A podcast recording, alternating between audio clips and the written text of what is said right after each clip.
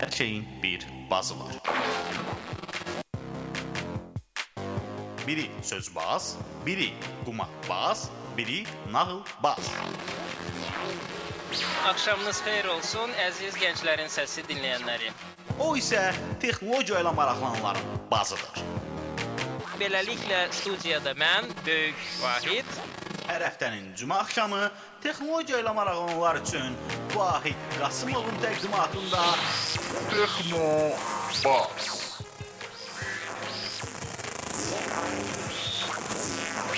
texnologiya ilə bağlı hər şey.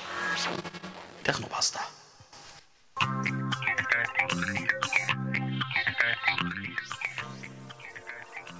Salam, hər vaxtınız xeyir olsun əziz gənclərin səsi dinləyənləri. Ümidvaram ki, hal-hazırda səsim yaxşı gəlir, həm çəkindən daha yaxşı.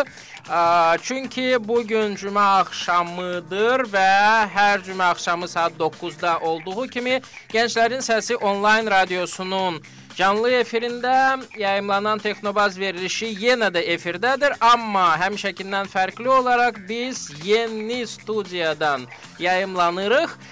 Beləliklə yeni studiyadan yepyeni efirə qulaq asanları, bizi canlı bir şəkildə dinləyənləri salamlayıram. Texnobazı ilk dəfə dinləyənlərin nəzərinə isə çatdırmaq istəyirəm ki, Gənclərin Səsi onlayn radiosunun efirində Texnobaz verilişi texnologiyaya marağı olan gənclərə ümum dünya texnologiya xəbərləri, yerli texnologiya yenilikləri və milli texnologiya həyatı haqqında bir-birindən maraqlı qonaqlarla çox-çox müxtəlif mövzularda biz ə, canlı söhbətlər aparırıq. Söhbətlərin canlı olması o deməkdir ki, Twitterdən, Facebookdan e, istədiyiniz sualı verə bilərsiniz və cavabını canlı efirdə mütləq alacaqsınız. Bu dəqiqə artıq internetə qoşulanların bir çoxu heç kompüterlərdən də deyil, mobil cihazlardan qoşulur, telefonlardan qoşulur və hal-hazırda mobil cihazlarının çoxusu və ya bir çoxu ən azından Android əməliyyat sistemi ilə işləyir, bilirsiniz. Beləliklə, əgər siz də belə bir cihaz istifadə edirsinizsə, mütləq ə, application sözünü eşitmisiniz. Başqa deyişlə tətbiq sözünü eşitmisiniz. Bu gün biz həmin tətbiqlər barədə danışacağıq. Konkret desək, Android applicationlar barədə danışacağıq. Ə, onlardan hansı daha maraqlıdır, hansı daha istifadəlidir və hətta və hətta Android application üçün ideyanız varsa, onu necə reallaşdırmaq mümkündür. Beləliklə bugünkü mövzumuz Android appslər, Android tətbiqlər və studiyada bir cavan oğlan qonağımız var. Adı Vasifdir. Vasif özünü zəhmət olmasa təqdim elə ki, cəmaət bilsin ki, sənin ümumiyyətlə Google tətbiqlərinə, Android tətbiqlərinə aidiyyatın nədir? Ondan sonra söhbətimizə davam edərik. Ə, axşamınız xeyir. Mən hər kəsi salamlayıram. Ə, mən ə, Android-lə 2000 ə, 2011-ci ildən hardasa məşğul oluram, maraqlanıram. Ə, ilk tətbiq ə, ideyam sürücülük vəsiqəsinə hazırlaşan gənclər üçün ə, fikirləşmişdim. Yəni ə, hər zaman evdə i- hazırlaşmaq, yaxud da kompüter arxasında hazırlaşmaq ə, rahat olmur. Çünki sürücülük vəsiqəsinə adətən adamlar işləyəndən sonra və yaxud avtomobil sahibi olandan sonra hazırlaşmağa başlayırlar. Ona Aha. görə ona görə daha fikirləşdim, daha rahat olar Əvvəlcə elə belə maşın oyunlarını sürürlər. Hə. Belə E, yəni fikirləşdim ki, e, metroda yaxud da avtobusda və yaxud da yolda gedərkən hardasa adamların e, mobil telefon hər zaman yanında olduğuna görə yaxşı olar ki, e, dərslik kimi orada olsun və suallar, imtahana hazırlıq və sair kimi bir vəsaiti olsun əlində, rahat olsun. Və belə bir şey başladım. yazmısan. Onu neçənci ildə yazdın? E, 2011-də yazmışdım. 2011-də. İlk proqramımla yazdım. Aha. Ə, gözəl bir ideyadır. Hal-hazırda ondan neçə nəfər istifadə eləyir? Ə, ümumi yüklənməsi 20 mindən çoxdur, ancaq aktiv istifadə 3000 istifadəsi də var. Yəni ki, belə deyək də, proqram ə, sürət keçdikcə ə, öz effektivliyini itirir. Yəni adam hazırlaşdı, müəyyən müddət imtahana imtahanı verdisə, artıq sonra o tətbiqdən istifadə edən Ora belə ki. bir belə bir şey qoymaq lazımdır ki, imtahandan keçdim düyməsi ki, o Ah. prestijini bir balaca artırsın. Ə, gözəl İmtahası ə, mənə elə gəlir ki, imtahandan hələ keçməyənlər və ya hazırlaşanlar daha çoxdur. Ona görə müştərilərin tükənməyəcək bir balaca reklama əhəmiyyət vermək lazımdır.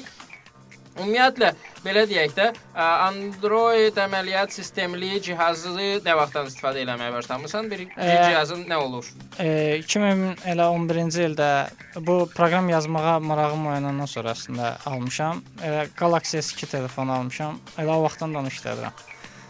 Can Aycan, təzəsini almağa imkan olmayıb. Yox. Yox, tə. Ə, o deməkdir ki, ə, sənin yazdığın applicationlar yaxşı pul gətirmir. Çünki mən bilirəm ki, bəzi sənətkarlar var, bir application yazırlar, 5 milyon download var, hərəsini 1 dollardan satanda 5 milyon əllərinə pul gəlir. Mən ona görə davamlı olaraq proqramlar yazıram və ümid edirəm ki, nə vaxtsa o məqsədə çatacağam mən də. Aha. Ə, indiyə qədər neçə dənə application yazmısan? E, təxminən e, bir 10-a yaxın yazmışam, amma yəni uğurlu olanları 4-5 olar deyərdim. Mhm. Ona yaxın yazmısan, onlardan 4-5-i uğurludursa bu yaxşı bir statistikadır əslində. Çünki belə deyək də, hal-hazırda start startap ə, çox belə populyar bir kəlmədir. Ə, startap ə, statistikası belədir ki, 10 dənə startapın arasında adətən 2 dənəsi uğurlu olur. Yəni sən həmin statistikanı 2 dəfə aşmısansa, bu çox yaxşı bir nəticədir. Ə, belə bir sual. Ümumiyyətlə ə, Azərbaycanlı olub və ya Azərbaycanda oturub ə, neçə proqramçı var ki, Google application yazır? Yəni sənin qarşılaşdıqların. Ə, yəni mən öz ətrafımda ona yaxın adam tanıyıram, yəni ki ancaq məncə çox olar. Yəni mənim öz dostlarım arasında bir 10 nəfər tanıyıram. Mən Yəni bu səncə Azərbaycan miqyasında ə, necə bir statistikadır? Kifayətdir Azərbaycanda 10 dənə ə, Google application ə, proqramçısı, yoxsa pis olmazdı ki, daha yaxşı olar, daha çox olsun. Məncə daha çox olsa yaxşı olar, çünki şey Android bazarı getdikcə genişlənir. Ə, bəs yaxşı, nəyə görə belə pisdir vəziyyət? Ə, bunu ümumiyyətlə Android apps yazmaq ə, çətin bir işdirmi? Nələr bilmək lazımdır? Hansı texnologiyalar var ümumiyyətlə ki, onlarla yanaşmaq olar məsələyə? Ola bilsin ki, mən yaza bilərəm, amma ki xəbərim yoxdur. Əslində, yəni Android Yəni proqramlaş bunun xüsusi bir dili varmı Google Apps-in? e, yox, yəni e, Java proqramlaşdırma dili üzərində işləyir və Java proqramlaşdırma dili də yəni populyar bir dildir. Mhm. Yetəri qədər e, yəni proqramçı var ki, Java proqramlaşdırma dilinə istifadə edir əsas dil Başqa olaraq. dildə yazmaq olmaz bunu? E, orada əslində imkan var e, e, PhoneGap deyə bir texnologiyası var və orada e, JavaScript-də nəsə yazmaq olar əslində və o e, Android-in müəyyən məsələn kameraya və s. digər e, yəni imkan var elə bir imkanı var. Ancaq e, sən əgər e, core dilin özündə ya Java-da yəni yazırsansa imkanların təbii ki hər şeyə imkan verir sənə Android orada işini görməyə. Yəni dolayısıyla getmək gedəndə müəyyən qarşına müəyyən maneələr durur da. Yəni nəsə eləmək mümkündür, amma ki tam funksional olmayacaq, elə bil. Bəli, bəli. Aha. Başqa bəs hansı imkanlar var? Məsəl üçün, ə, deyəlim ki, ə, tutalım ki, ənənəvi proqramlaşdırma dilində exe faylını yaratmaq mümkündür. Həmin exe fayl məsələn Windows-da işləyəcək. Amma başqa proqramlar vardı, hansılar vasitəsilə də exe-ni yaratmaq mümkündür. Məsəl üçün Flash O da bir exe faylı yaradır. Android tutalım ki, Flash-ı oynadırsa, Flash-dan nəsə bir application yazmaq mümkündürmü Android üçün? Elə bir şey Ə, ümumiyyətlə Yox, qarşılaşmısan? Flash-da əslində ə, əslində orada bir dənə ə, elə bir texnologiya olmalıdır ə, o, ə, oyunlar yazmaq üçün. Aha. Ə, adını tam xatırlamıram. Ancaq yəni ki, görmüşəm elə bir texnologiyanın olduğunu orada. Hı -hı. Amma sən ümumiyyətlə Java-dan istifadə eləyirsən. Mən bəli, Hesab eləyirsən ki, ən yaxşısı odur. bəli. Bəs yaxşı. Java-nı öyrənmək ə, bir cavan üçün nə dərəcədə çətin bir şeydir? Ə, çətin çətin deməzdim mən. O qədər yəni böyüdüləcək bir şey Məsələn, yoxdur deyəlim ki, götürək hər hansı bir ə, tələbəni, hansı ki, ə, kompüter mühəndisliyi və ya da ki, kompüter elmləri 3-cü kursunda oxuyur. Onun üçün hal-hazırda ə, Java-nı öyrənmək istəyirəm deməyi ilə neçə ay vaxt keçəcək ki, onu ə, babat bir səviyyədə öyrənə bilsin. Əslində ə, Java ə, çox böyük, çox geniş dildir. Hı -hı. Ə, ancaq sırf Android proqram yazacağam deyə, yəni Java ə, Java-nı öyrənmək, Java-da müəyyən səviyyəyə çatmaq ə, əslində proqramın yəni keyfiyyəti o təcrübə ilə gəlir. Yəni 3 ay ərzində tutaq ki, oxuyub nəsə bir app application yaza bilər. Yəni sadə bir şey yazmaq olar. Ə, ancaq ə, o yazılan ə, kod nə dərəcədə maintainable olacaq, yəni sonradan dəyişikliyə uyğunlaşa biləcək, o uyğunlaşa bilməyəcək. Artıq bu bir bir qədər uzun müddət lazımdır ki, yəni təcrübə Bunu proqramlaşdırma etikası başqa bir Bəli, şeydir, bəli. aydın məsələdir. İmtahası, yəni ən azından belə bir şey yazasan ki, işləsin. Ha, 3 ay müddətində məncə rahat bir şəkildə yaza bilərlər. 3 ay Sadə bir müddətində. application. Hmm, mənim hal-hazırda bir ideyam var. Onu reallaşdırmaq üçün tez bazar Java öyrənəcəm. Nədən başlamalıyam? Hansısa kurs varmı? İlk ağla gələn odur, məsələn, Java öyrətsinlər. Gedim kursda öyrənim nəsə. O düzgün mən, bir e, yoldurmu? Mən e, yəni kursları, yəni mən özümdən deyirəm ki, mən kursları belə o qədər e, maraq göstərməmişəm heç vaxt. E, ilkin olaraq məsələn mən e, hər, hər hansı bir dili öyrənəndə yaxud da hansısa bir framework, nəsə bir şey öyrənəndə əgər heç bir e, fikrim yoxdursa onun barədə, ona uyğun video kurslar var. Yəni YouTube-da. internetdə, bəli, internetdə video kurslar var. Video kursdan ümumiyyətlə proqramçı proqramçılıq öyrənmək nə Dü dərəcədə düzgün deyil hardasa. Çünki- E, ancaq ancaq mən e, yəni heç bir fikrin yoxdursa, Hı? amma video kursa baxırsansa, artıq səndə müəyyən fikirlər formalaşmağa başlayır ki, kitabı oxumağa başlayanda gözünün önündə nəsə canlanır. Yəni ki, bunu görmüşəm, bunu görmüşəm, bunu görmüşəm, e, səndə uje stimul yaranır ki, Aha. davam eləyəsən. Yəni qorxuzmur da sən. Ondan hardasa. sonra YouTube-da baxdıq kursa, sonra nə edirik? Sonra Java kitabları var. Yəni Java-nı deyək ki, e, Azərbaycan Yəni- dilində var nəsə bir şey. mən yəni istifadə etməmişəm. Hə, Yəni, olmayacaq da. görməmişəm. Hə, Yəni. mən də Amma görməmişəm. Heyif. bloqlar olmalıdır. Bloqlar olmalıdır. Bəli, bloqlar olmalıdır Azərbaycan dilində. Yəni Azərbaycanca bloqlar varsa Java haqqında, deməli Azərbaycanda Java əjdahaları olmalıdır. Aha. Adlarını sallaya bilərsən. Buradan salam söyləyək onlara, cəmaət də öyrənsin. Ki Facebookda onları tapsınlar, baş binlərini aparsınlar biraz. mən yəni e, Elmar Rəsulzadə deyə bilərəm. Aha, Amid Quliyev deyə bilərəm. aha. E, öz ətrafımdan. Ramin. Sonra Ramin Orucov deyə Aha. bilərik. Bəli. E, Bu, bu üç ad kifayətdir mənə elə gəlir ki, ə, ona görə cavanlar Java öyrənmək istəyirəm deyənlər gedin həmin şəxsləri Facebookda tapın, onları friend listində əlavə eləyin və ondan sonra baş beyinlərini aparın. Mənə elə gəlir ki, onlar belə ə, çox böyük məmnuniyyətlə məlumat ə, paylaşan insanlardır və hətta və hətta bloqlarında belə nəsə yazırlar bu barədə ki, onlardan müəyyən bir faydalı məlumat əldə etmək mümkündür. Amma bəli. Mənə elə gəlir ki, ə, bloqlarda yazılanlar bir balaca daha belə deyək də irəli səviyyə Ə, problemlərin həlli hə. üçün yazılardı. Daha bəsit səviyyədə, məsələn. E, yəni öyrədici bloqlar da var. Yəni e, belə deyək də, bir ilk dərsdən başlayaraq Android-də müəyyən e, müəyyən kiçik proqramlardan başlayaraq öyrədə-öyrədə gedən elə bloklar bloqlar var, əslində yazanlar var. Mhm. E, ancaq yəni ki, professional öyrənmək üçün mən mənim e, fikrim kitab oxumaq lazımdır. Yəni əvvəldən sonuna qədər. Hellas. Yəni Evet. bütün nəyisə öyrənmək istəyirsən, əldə etmək istəyirsənsə, bütün yollar Mütləq kitab kitab oxumaqdan keçir. Burada belə bir alternativimiz var. Hardansa internetdən ingiliscə kitab tapmaq orijinalında. Ondan sonra ə, rusca kitablar bir xeylıq var. Bir də ki, vaxtımız gətirsə türkçə kitab tapaq. Sən hansını tövsiyə eləyirsən? mən ingiliscə tövsiyə edirəm çünki birinci əl Bədbəxtçilikdən görə. ingiliscə bilmirəmsə. Rus sonra rusca mən ə, tərcih eləyirdim. Niyə ruslar türklərdən daha güclüdür bu sahədə yoxsa? Ə, Bilmirəm. Mən mənim şəxsən yəni ə, türk türk dilində ə, texnoloji terminləri başa düşürsən?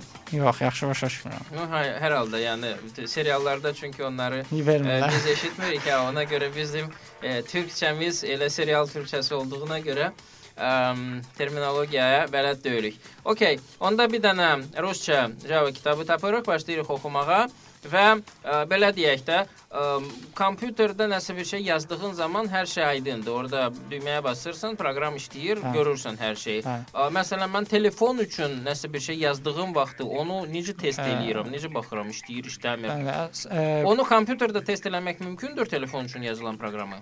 ə, əslində ə, Google özü Eclipse-in üzərində özlərinin IDE-sini yazıblar. Ə, bir dənə proqram var öz saytlarında. Aha.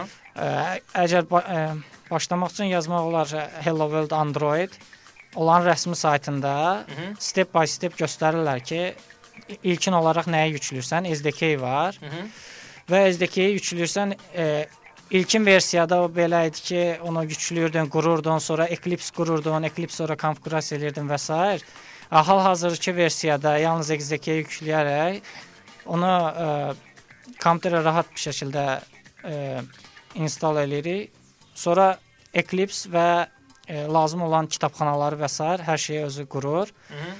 E, Windows'un altında işləyir. Bəli, bəli. onun üçün- Windows, Linux, ə, Macintosh hər, hər birində işləyir. Mhm. Cross platformda ə, şey ə, Eclipse Eclipse açandan sonra onun içində kodu yazsaq və biz buna baxmaq istəsək, emulyator deyə bir şey var. Aha. Yəni telefonun kompüterdə belə deyək də ə, görüntüsü ə, təmin eləyir. Web saytlarla məşğul olanlar yəqin ki, emulyatorun nə olduğunu yaxşı bilirlər. Yəni ki, bizim telefonda görsənə necə görsənəcəyini Bəli, bəli, bəli. kompüterdə elə bir ə, bizə göstərir qabaqcadan. Deməli, Android platforması üçün də belə Bəli, bir şey bəli, var. bəli, O bəli. tam olaraq korrekt işləyirmi? Yəni tam olaraq göstərirmi orada göstərəcəyini? Bəli, bəli. Mən deyərdim, ə, orada yəni emulyatoru ə, özün seçirsən. Məsələn, hansı ekran ölçüsündə olsun, Mhm. hansı Android versiyası ilə işləsin. Hətta. Aç, bəli. Ə, məsələn, Android 2.2, 3.0 və ya 4.0 bunların ə, görüntüsündə fərq var, imkanlarında fərq var və s.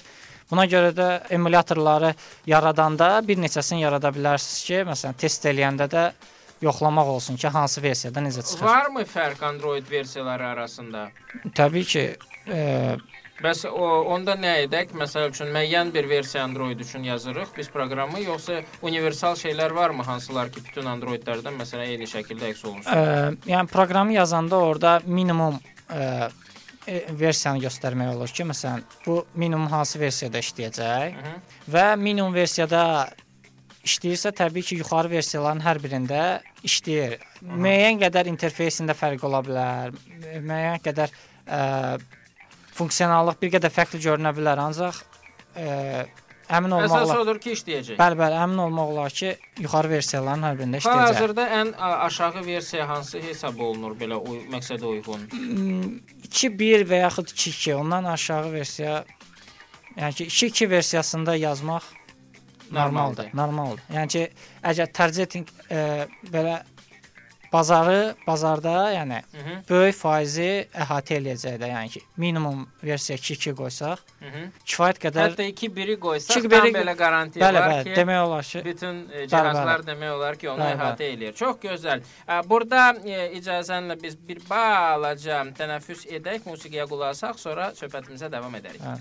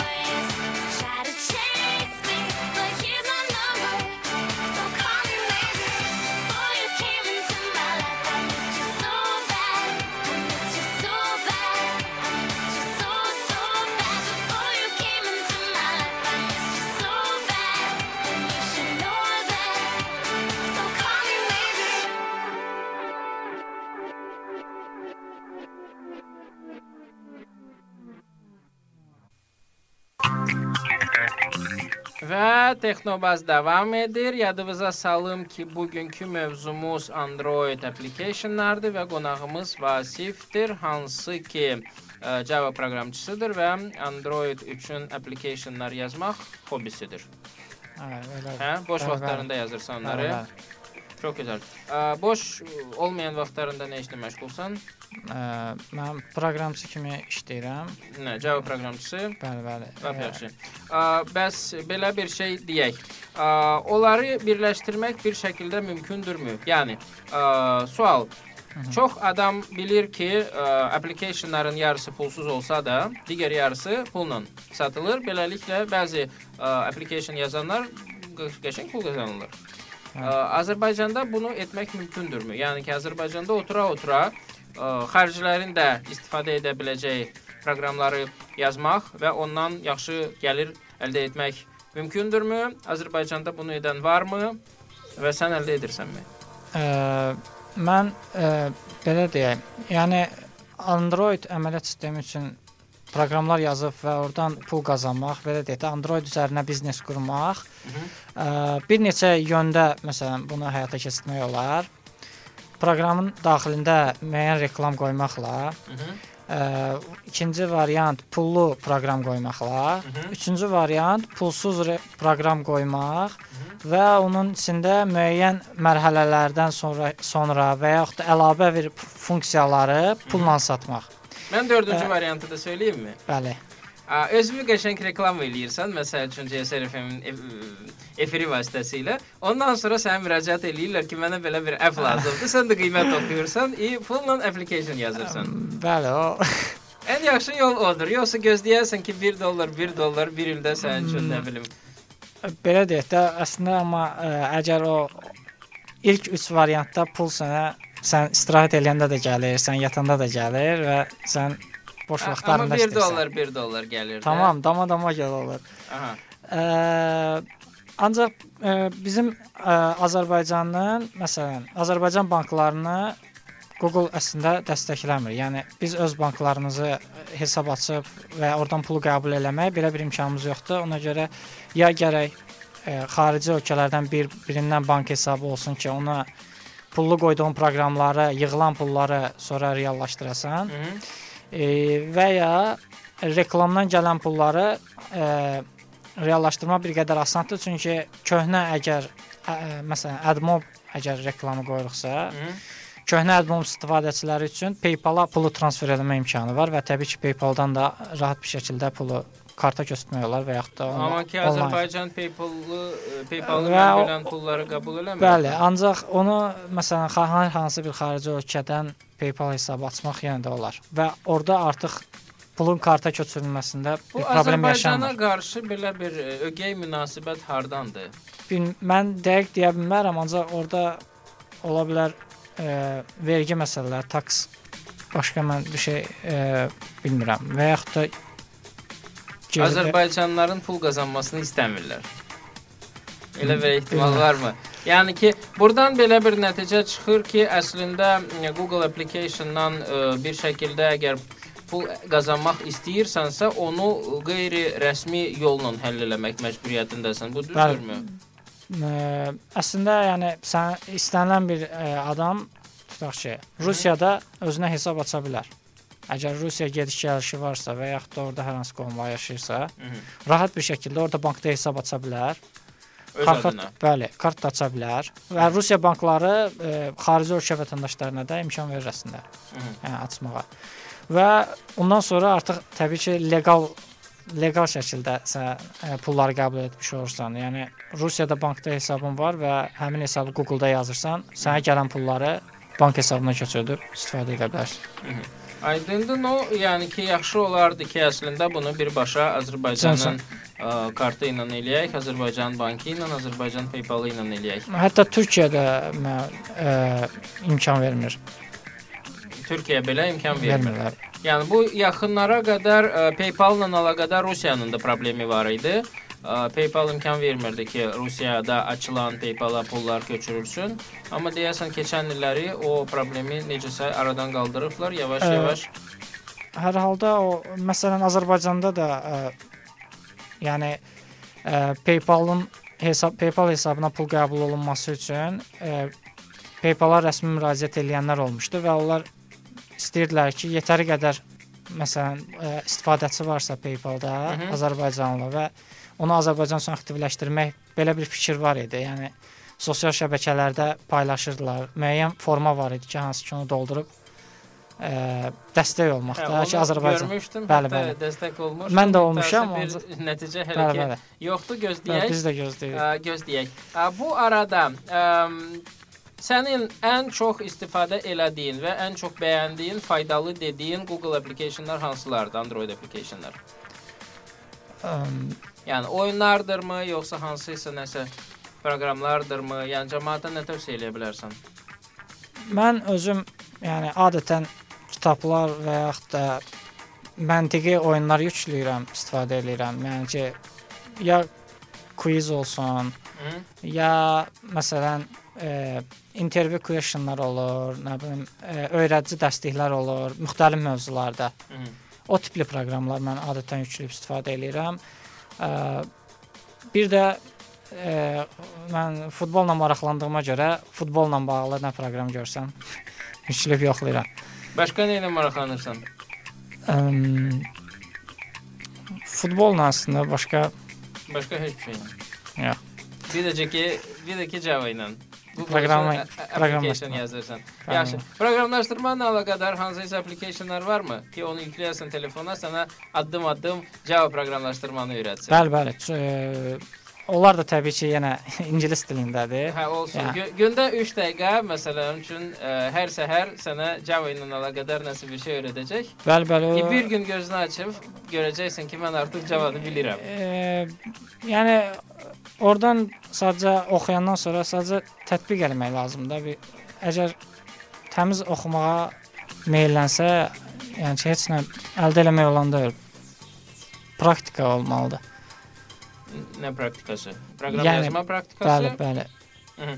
Bəs yaxşı, hər Java-nı bilən ə, oturub tutalım ki, Android apps yaza bilərmi? Ümumiyyətlə Ə. application yazmaq üçün birinci mərhələ nədir? İdeyanın olmasıdır. Təbii ki, ideya olmalıdır. İdeyanı, yəni ideya elə ola bilər ki, ona Android bu Android proqramları telefonda işləyir və telefonların da yəni ki, gücü kompüterlə təbii ki, eyni deyil. E, sürəti eyni deyil. Müəyyən mənada resursları belə deyək də məhdud məhdudlaşır da bir yerdə. Hı -hı. Yəni bu resurslar daxilinə e, düşürmü sənin ideyan ya yox, bunu analiz eləmək lazımdır. Əgər-. Onu bir balaca açıqla zəhmət olmasa. Yəni məsələn, ə, sənin proqramın var və sən m, böyük həcmdə informasiya internetdən ox oxuyacaq Hı -hı. ya nəsə.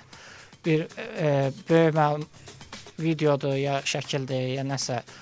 Ə, sən əgər belə böyük həcmdə bir informasiyanı oxuyacaqsa və telefon telefonda tutaq ki, adam internetə girirsə Hı -hı. və səndə hansısa bir servis varsa ki, o video oxuyur ya nəsə böyük həcmdə informasiya oxuyur arxada. Və bunu istifadəçi təbii ki, görmür də. Yəni servisdir, proqramı yükləyib müəyyən e, məqsəd üçün istifadə eləyir. O servis böyük həcmdə informasiyanı arxada yükləyərsə, bu e, yəni userə təbii ki, Yəni, Cihazın donmasına mı gətirib çıxardacaq? Yox, yoxsa yəni Google civ- ona icazə vermir? Yox, məsələn, ə, əgər tutaq ki, adam telefonun interneti ilə qoşulubsa və Aha. böyük həcmdə informasiya yüklənirsə, bu Hə, trafik, Trafik gedir. Aha. ə, və yaxud da müəyyən videolar yüklənir, yəni ə, hər hansı bir şeylər ə, telefonun yaddaşı məsələn dola bilər. Zaman-zaman yaxud da müəyyən məlumatı yükləyib bazada saxlayırsan və tutaq ki, bir xəbər xəbərlər yüklənir, xəbərlər yüklənir, bazada saxlanır. Zaman-zaman o köhnə xəbərlər lazım olmaya bilər. Ancaq bunun hamısı telefonda əgər qalırsa və buna nəzarət yoxdursa, ə, bu yeni yüklənmiş xəbərləri oxuyan zaman böyük problemlər yaradacaq ki, yəni informasiya çoxluğundan. Yəni buna çox kim nəzarət eləyir? Məsəl üçün mən bir application yazdım, onu Play Market-ə yükləmək istəyirəm. Aha. Google hər bir yazılmış application elə dərhal qəbul eləyir. əslində yəni Onun qaydası necədir? Yəni Google-un ə, siyasəti odur ki, o yüklənmiş applicationları bir neçə saat ərzində ə, aktiv eləyir. Yəni onlar proqramı yoxlamırlar. Necə ki digər ə, App Store-larda belə yoxlama var. Yəni günlərlə çəkən yoxlama var. Google-da belə bir şey yoxdur. Belə bir yoxlama yoxdur. Ancaq Google nəyə ə, yəni güvənir? Ə, istifadəçilərin re- ə, verdiyi reytinqlərə. Məsələn, istifadəçilər proqramları yükləyib orada nədərdənsə narazı qalırlarsa və yaxud razı qalırlarsa, bunu ə, marketdə yazdıqları kommentlə və yaxud verdiyi ballarla təsdiqləyirlər və beləcə də proqramın ə, aşağı bal alması və yaxud da kommentlər artıq yeni gələn istifadəçilərə müəyyən fikirlər vermiş olur. Bəs ə, özün bayaq demisən ki, arxa planda işləyən prosesləri istifadəçilər görməyə bilər. Yəni ki, əslində ola bilsin ki, application korrekt işləmir, amma istifadəçilər onu görmür. Beləliklə ə, Google-un da xəbəri yoxdur və heç kim də həmin proqramı oradan yığışdırmır. Yəni heç bir nəzarət yoxdur bu barədə. Ə, belə heç bir əslində yəni nəzarət olmur. Ə, bəs nəyə nəzarət eləyirlər? Məsəl üçün nəyə görə ə, bəzən baxırsan ki, bir applicationdan mən istifadə eləmişəm, sabahları onu axtarırsan, tapamırsan. Yəni ki, onu Play Market-dən uzaqlaşdırıblar. Bəli. Nəyə görə uzaqlaşdırıla bilər? Əslində burada şey ə, şikayətlər əsasında formalaşır ə, elə hallar.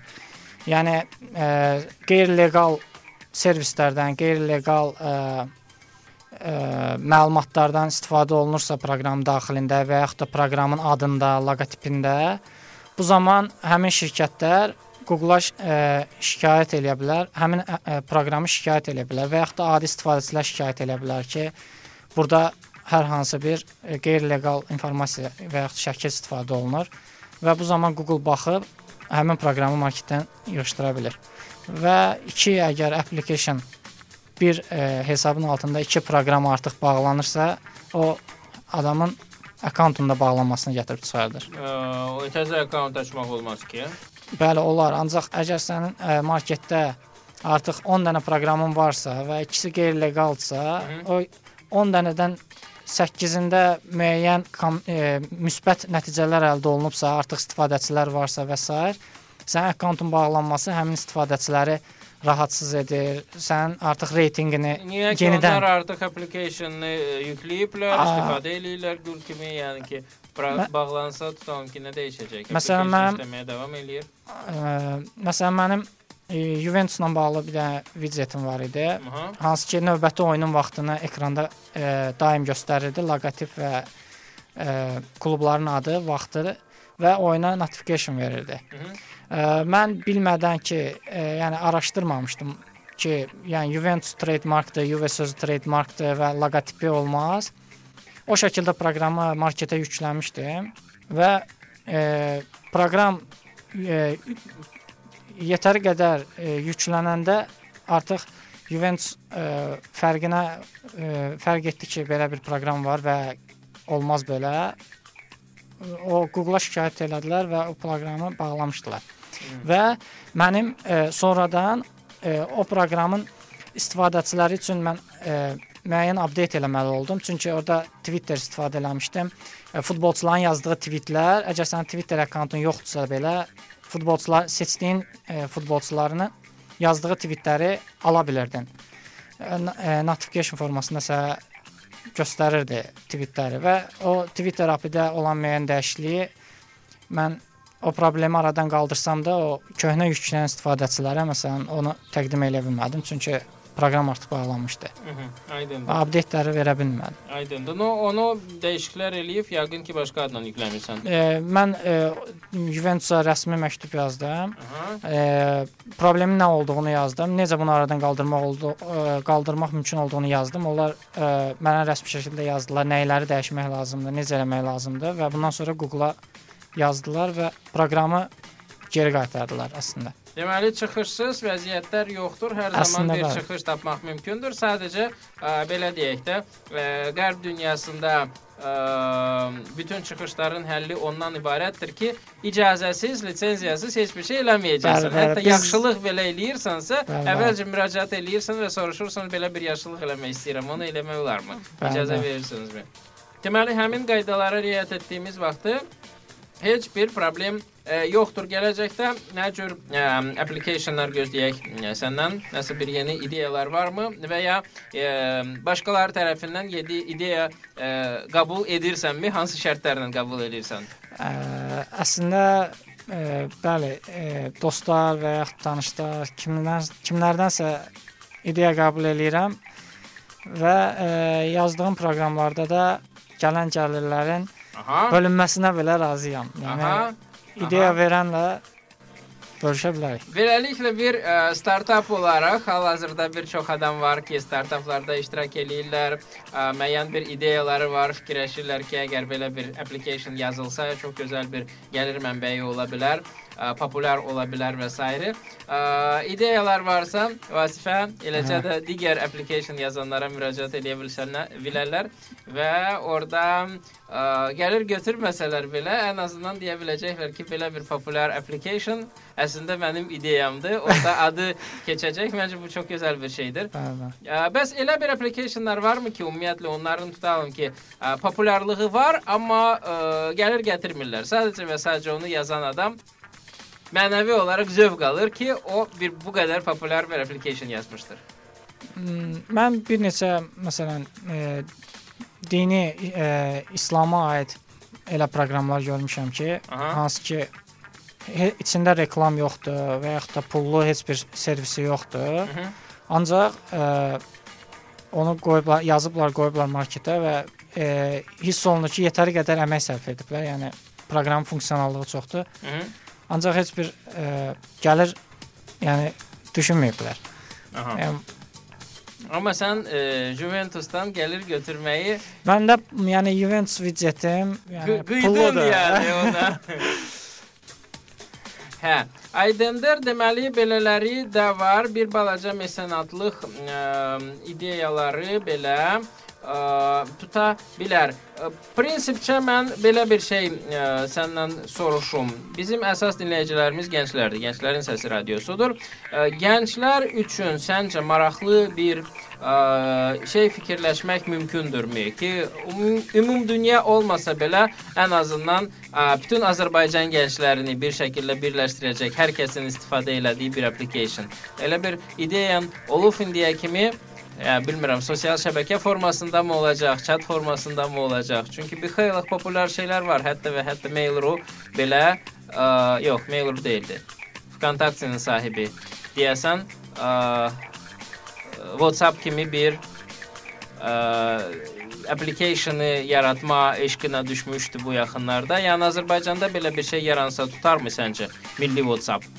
Əm, yəni in, sosial sosial bir şey olsa, Aha. yəni e, chat olsa, yaxud siz deyən kimi insanların ünsiyyəti üçün bir şey olsa, bir proqram olsa, məncə olar. Ancaq burdan e, hansı tərəfdən gəlir götürüləcəyini biraz fikirləşmək lazımdır. Çünki yəni bizim bazar üçün əgər reklam istifadə edirsənsə, yəni, e, gözlədiyin qədər məbləğ əldə edə bilmirsən. Heç bir şey gözləməsən, ancaq Hə. mənəvi zövqü gözə alsan, Yəni mənəvi zövqü gözə alıb ə, desən Nə ki, bilim. Azərbaycanda hər bir gəncin kom- e, mobil telefonunda mənim applicationum var.